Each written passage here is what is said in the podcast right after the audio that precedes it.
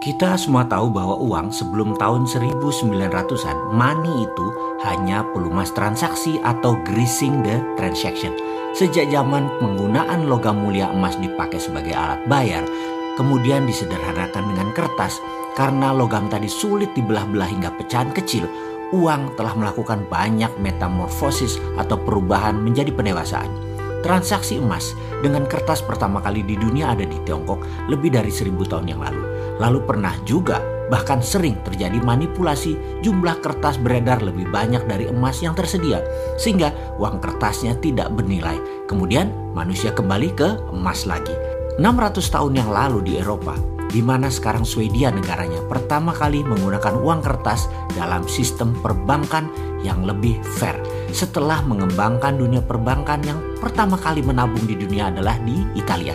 Sampailah di tahun 1800-an, dunia keuangan dipegang keluarga Yahudi berbasis di Austria dan Swiss. Kalau sekarang itu lokasinya di sana, di mana dulu masih belum berbentuk negara seperti saat ini.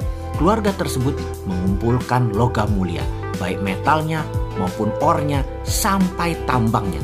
Dengan jaminan logam berharga atau PGM atau Precious Group Metal tersebut, maka banyak orang kaya dari seluruh penjuru dunia menabungkan uangnya di bank di Swiss karena jaminannya yang solid, yaitu underlying PGM. Uangnya jadi senilai metal berharga. Sampai puncaknya terjadi Perang Dunia Kedua di mana harta mereka tetap aman tersimpan di Swiss. Kekuatan Swiss adalah Swiss Metal Bank ini. Ada deposit precious metal yang besar. Inilah yang menjadi ide pertama Dinaran sebagai precious metal deposit dan menjadikan Dinaran payout sistem digital atas rupiah yang berunderlying logam mulia yaitu emas. Inilah awalnya pakai emas. Ke depan, seluruh metal di Indonesia bisa jadi underlying rupiah Anda. Anda sahabat yang menentukan mau pakai apa menahan inflasi atau mau pakai apa jaminannya agar rupiah Anda lebih menguat, lebih menguntungkan.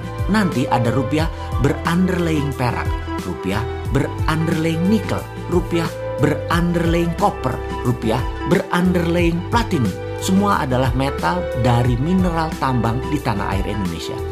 Emas dinaran saat ini kerjasamanya dengan Antam, dengan UBS, dengan tambang nasional lainnya. Kita beli emas kalau sahabat memilih emas sebagai underlying rupiah Anda. Kalau nanti mau nikel, ya bisa. Kita belikan nikel dari manufaktur smelter refining di Indonesia. Mau koper tembaga pun bisa juga. Semuanya pokoknya 99,99% kemurniannya dan bersertifikat. Dengan adanya dinaran, maka tambang di Indonesia maupun hasil tambang produk jadinya tidak perlu mineral metal tadi ke luar negeri untuk menjadi underlying negara lain, menjadi underlying Tiongkok. Lebih baik menjadi underlying rupiah Anda. Sahabat, di mana pun berada, semoga selalu dalam keadaan sehat, bahagia, murah rezeki, dan terus menabung rupiah berbasis metal di dinaran. Kebesaran bangsa negara Indonesia karena kekuatan mineral dan metal berharga di bumi pertiwi.